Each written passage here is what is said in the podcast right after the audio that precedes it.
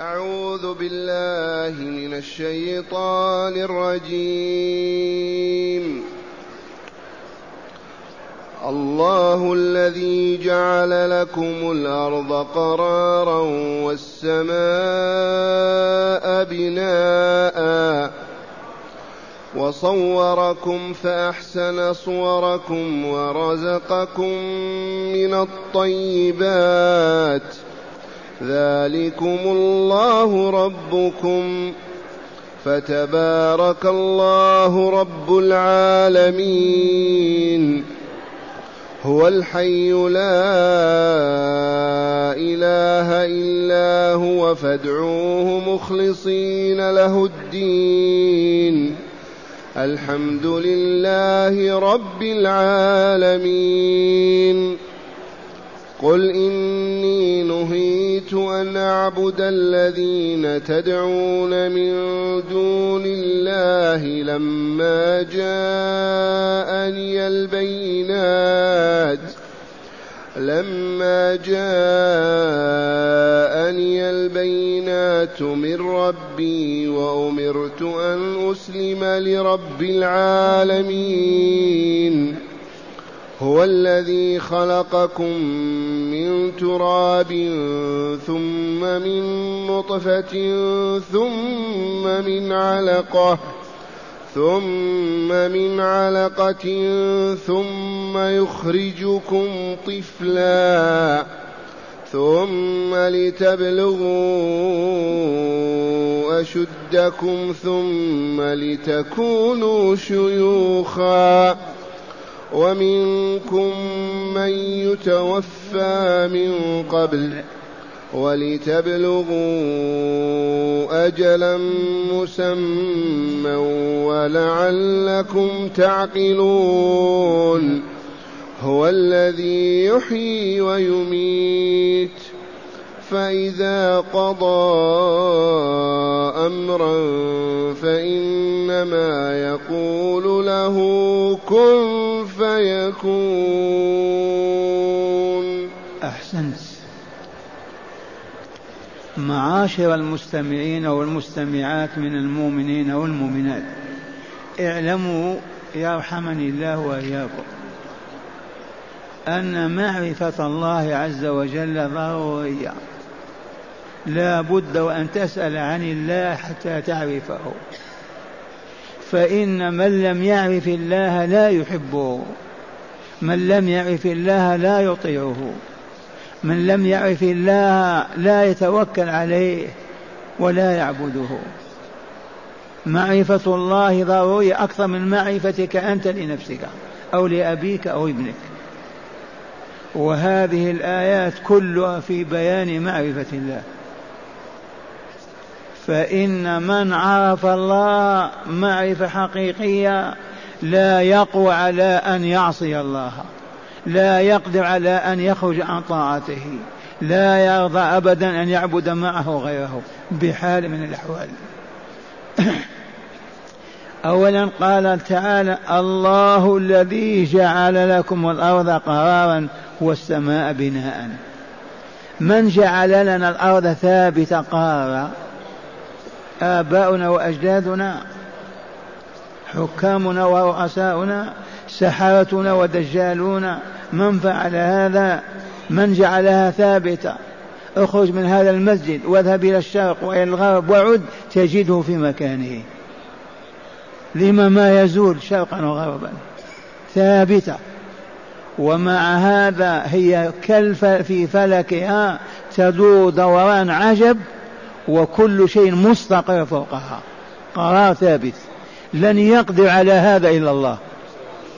لا يقوى على هذا إلا الله.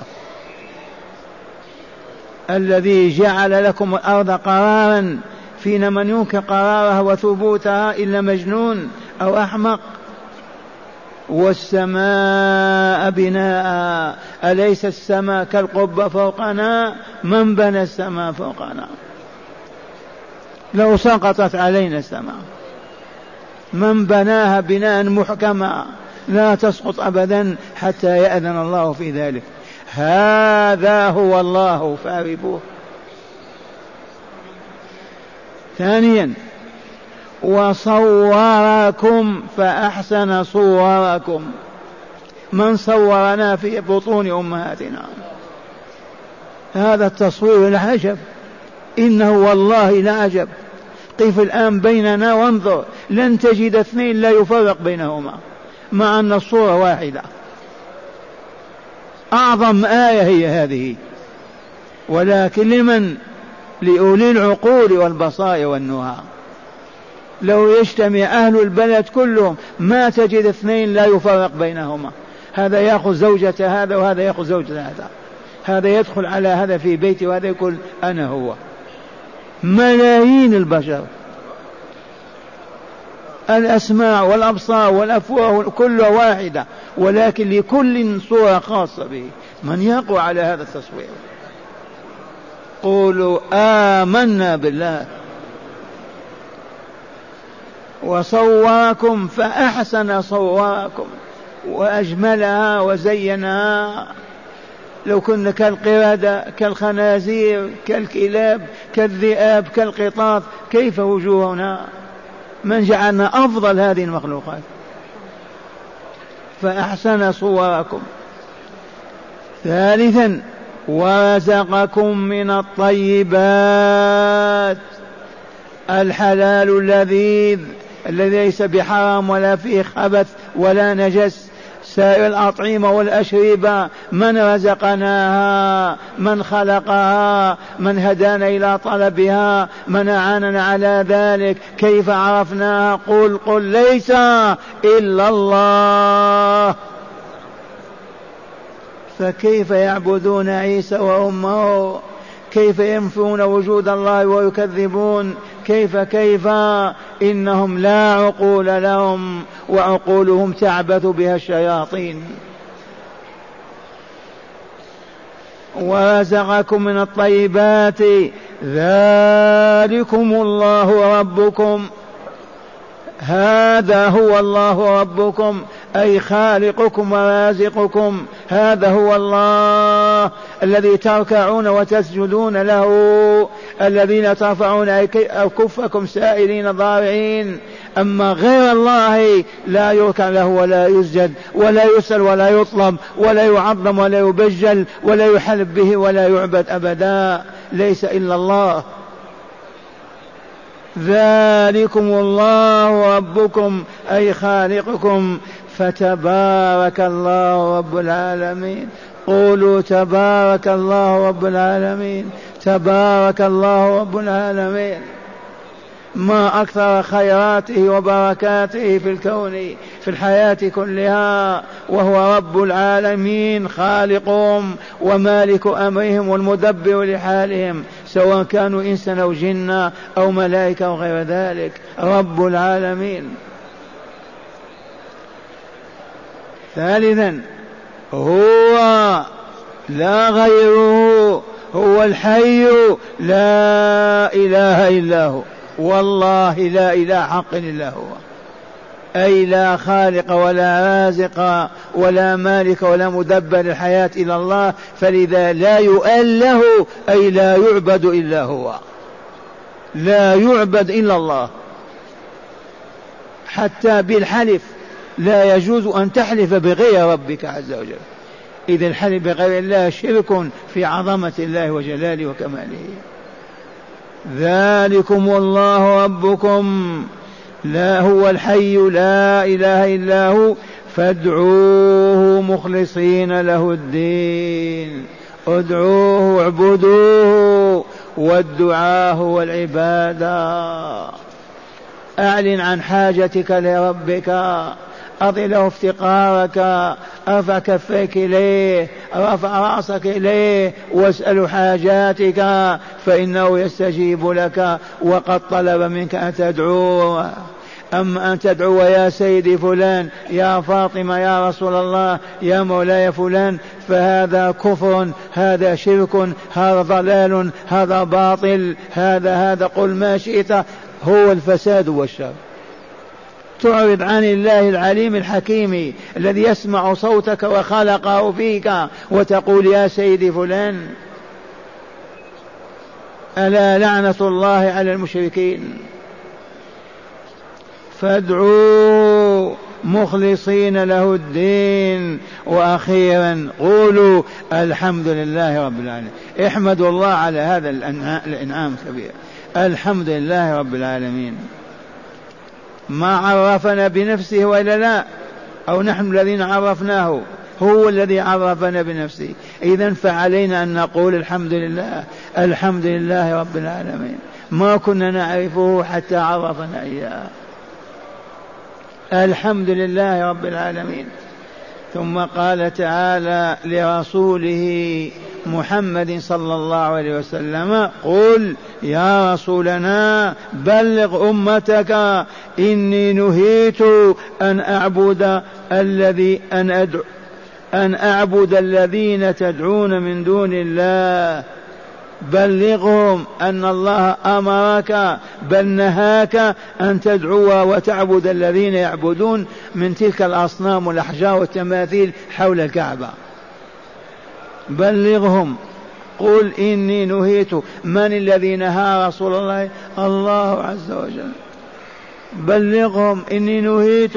عن ماذا؟ أن أعبد الذين تدعون من دون الله. فلا أعبد إلا الله. والذين تدعونهم من دون الله أصنام وأحجار. لا ينفعون ولا يضرون. لا يميتون ولا يحيون. كيف تعبدون تدعونهم وتعبدونهم؟ متى جاءني هذا النهي؟ قال لما جاءتني البينات. فلما هنا الموقتة للوقت الذي جاءني فيه البينات. الوقت الذي جاءتني البينات نهاني ربي أن أعبد الذين تعبدون أنتم من الأصنام والأحجار. لما جاءني البينات من ربي أولا ثانيا وأمرت أن أسلم لرب العالمين. وأمرني ربي أن أسلم له قلبي ووجهي وسائر أعمالي وهو رب العالمين. وأمرت أن أسلم ماذا يسلم؟ ماذا يعطي؟ قلبه ووجهه. قلبه لا يتقلب إلا في طلب رضا الله. وجهه لا يوجه إلى إلى الله. لا يعبد إلا الله. هذا رسول الله صلى الله عليه وسلم يبلغ المشركين بهذا بأمر الله تعالى لو قل إني نهيت أن أعبد الذين تدعون من دون الله. لما لما جاءني البينات من ربي وأمرت أن أسلم ماذا نسلم؟ قلبي ومالي قلبي وحياتي كلها لله رب العالمين. وإن قلت من هو؟ من هو رب العالمين الذي أسلمت قلبك ووجهك له يا رسول الله؟ قال تعالى هو الذي خلقكم من تراب. من أين خلق آدم؟ أليس من التراب؟ وتوارث هذا البشرية من عهد آدم إلى اليوم. ولا ينكر هذا إلا المجانين والشطاعين والفلاسفة الكذابين. من يوم أن أوجد الله آدم والبشرية تتوالد وهم مؤمنون بأن آدم خلقه الله من طين ونفخ فيه من روحه وأنزله إلى أرضه بعدما أوجده له كمائد عظيمة وأخرج حواء من ضلعه الأيسر ثم تناسلا فكانت البشرية. خلقكم من تراب ثم من نطفة. أي خلق آدم من تراب وخلقنا نحن من أين من تلك القطرة قطرة المني تلك النطفة. من يقول لا من نطفة ثم النطفة تحولت إلى علقة ثم تحولت إلى مخلوق إلى إنسان. من فعل هذا أيدينا هو الذي خلقك من تراب ثم من نطفة ثم من علقة. قطعة الدم لتعلق بالإصبع. المني يتحول إلى دم ويعلق بالإصبع. ثم من نطفة ثم من علقة ثم يخرجكم طفلا. أي أطفالا. من فعل هذا سيدي فلان؟ رسول الله صلى الله عليه وسلم. عيسى بن مريم. موسى كليم من من من؟ ليس إلا الله. فكيف يعبد غير الله؟ بأي حق يعبد غير الله؟ ولكن الشياطين هي التي تضلل البشرية وتحمله على الكفر والشرك حتى تشقى بشقائها وتهلك بهلاكها. ثم يخرجكم طفلا ثم لتبلغوا أشدكم. بلغ السادس عشر العشرين أربعين بلغ أشده وإلا لا. سبحان الله من يكبرنا؟ لماذا ما يبغى الطفل هو الطفل بالسحر تكبروه يعني؟ كيف يكبر أسألكم بالله كيف؟ هل في أيدينا شيء في هذا؟ لو يبقى الطفل طفلا. يبلغ الخامس عشر هو هو ما يزيد. ولكن ثم لتبلغوا أشدكم ثم لتكونوا شيوخا. كنا أطفالا وكنا شبابا وأصبحنا شيوخا. من فعل هذا آباؤنا أو أمهاتنا أليس الله؟ لم لا يعبد الله؟ لم لا يدعى الله وحده؟ لم لا يرهب ولا يخاف؟ لم يطاع يعصى ولا يطاع؟ خلقكم من تراب ثم من نطفة ثم من علقة ثم يخرجكم طفلا ثم لتبلغوا أشد ثم لتك لتبلغوا أشدكم ثم لتكونوا شيوخا. ومنكم من يتوفى من قبل. قبل أن يصل الشيخوخة مات في الأربعين والثلاثين والعشرة. هذا تدبير تدبير من؟ تقول صنم أو حجر أو إنسان أو شيطان أو جن. لن يقوى إلا أن تقول الله فقط.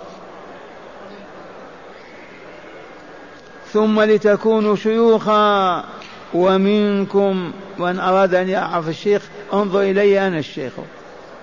كنت طفلا وكنت شابا وكنت والآن شيخ. تعرفون الشيوخ وإلا؟ من وصل بي إلى هذا المستوى؟ آبائي وأجدادي وإخواني ماتوا. قولوا آمنا بالله آمنا بالله آمنا بالله. ومنكم من يتوفى من قبل قبل أن تبلغ الشيخوخة ثم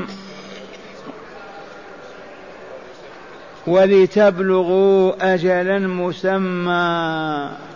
أعمارنا مؤجلة. هذا عشر هذا عشرين هذا ثلاثين هذا خمسة وأربعين هذا سبعين هذا كذا. أجل والله محدودة بالدقيقة. باللحظة.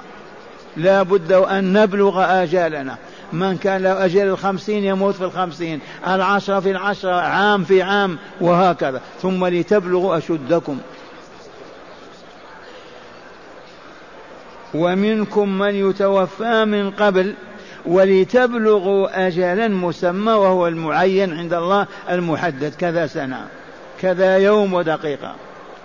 ثم قال تعالى ولعلكم تعقلون. لو أراد الله أن يخلقنا لقال كونوا كانت البشرية كلها. لا طين ولا حديد ولا مني ولا ولا. هذا الترتيب العجيب نطفة علقة مضغة طفلا غلاما شابا شيخا كبيرا. هذا الترتيب ترتيب من؟ من وضع هذا؟ من أوجده؟ لعلكم تعقلون أنكم مربوبون أنكم عبيد. والله خالقكم وإلهكم فاعبدوه ولا تعبدوا معه غيره. ثم هذه العبادة التي يطلبها هل هو في حاجة إليها؟ والله ما هو في حاجة إليها. كان ولم يكن إنسان ولا ملك. ولكن سر هذه العبادة أن تزكو نفوسنا أن تطيب أرواحنا أن نتهيأ لرضا الله والنزول بجواره في الجنة دار السلام. هذا هو السر فقط. ما هو في حاجة إلى صلاتك ولا صيامك. ولكن من أجل أن تطهر نفسك فيقبلها وتنزل في الملكوت الأعلى مع مواكب النبيين والصديقين والشهداء والصالحين. معشر الأبناء هيا نزكي أنفسنا هيا نطيبها نطهرها بالماء والصابون بالعطر والبخور. لا لا لا. بكلمة سبحان الله وبحمده سبحان الله العظيم. لا إله إلا الله وحده لا شريك له له الملك وله الحمد على كل شيء قدير. أنت خير راكعا ساجدا. هذه العبادات هي التي تزكي النفس وتطهرها. من أعرض عنها والله ما تزكو نفسه ولا تطيب ولا تطهر. ومن أداها على غير الوجه الذي بينها الله ورسوله والله ما تزكي ولا تطيب ولا تطهر. لا بد وأن نعبد الله كما بين رسوله صلى الله عليه وسلم في كل العبادات. وإلى ما تنتج الزكاة ولا الطيب ولا الطهر. بدليل لو صلى أحدكم الآن وما أحسن الصلاة لا يجد عالما يقول له صلاتك صحيحة أبدا. قوم أعيد صلاتك. معنى ذلك ما تزكي نفسك. ما تطهرها. صل الصلاة التي من شأنها تزكية النفس وتطهيرها. وهكذا ثم يقول فإنما يقول له نعم هو الذي يحيي ويميت. يحيي يوجد الحياة والموت. أما كنا أمواتا نحن قبل مئة سنة في بين بيننا حي كنا أموات من أحيانا من أوجدنا. أما نموت ما يمضي خمسين سنة ما يبقى واحد منكم أيها الحاضرون. إلا أن يشاء الله. من يميتنا؟ هو لا غيره لا سواه. يحيي ويميت. فإذا قضى أمرا وحكم به فإنما يقول كن فهو يكون على الفور. هذا هو الله. الذي نحب من أجله ونكره من أجله. هذا الذي نعيش من أجل عبادته. هذا الذي نحب أن نراه. هذا الذي نعبده ليل نهارا هذا الذي لا نرفع أيدينا إلا إليه ولا نعلق قلوبنا إلا به ولا نرجو مخلوقا مخلوقات سواه. هذا هو الله. إذا أراد شيء وقال لو كن والله ما يعجز لا بد أن يتكون.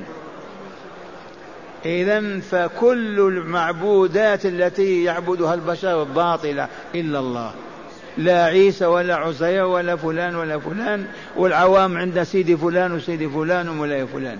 لا إله إلا الله. هذه الآيات بينت لنا الله عرفتنا به وإلا لا؟ عرفناه هيا بنا لا نعبد سواه. نعبده وحده ولا نشرك به. والله تعالى أسأل أن يعيننا ويوفقنا. مع هداية الآيات. بسم الله والحمد لله.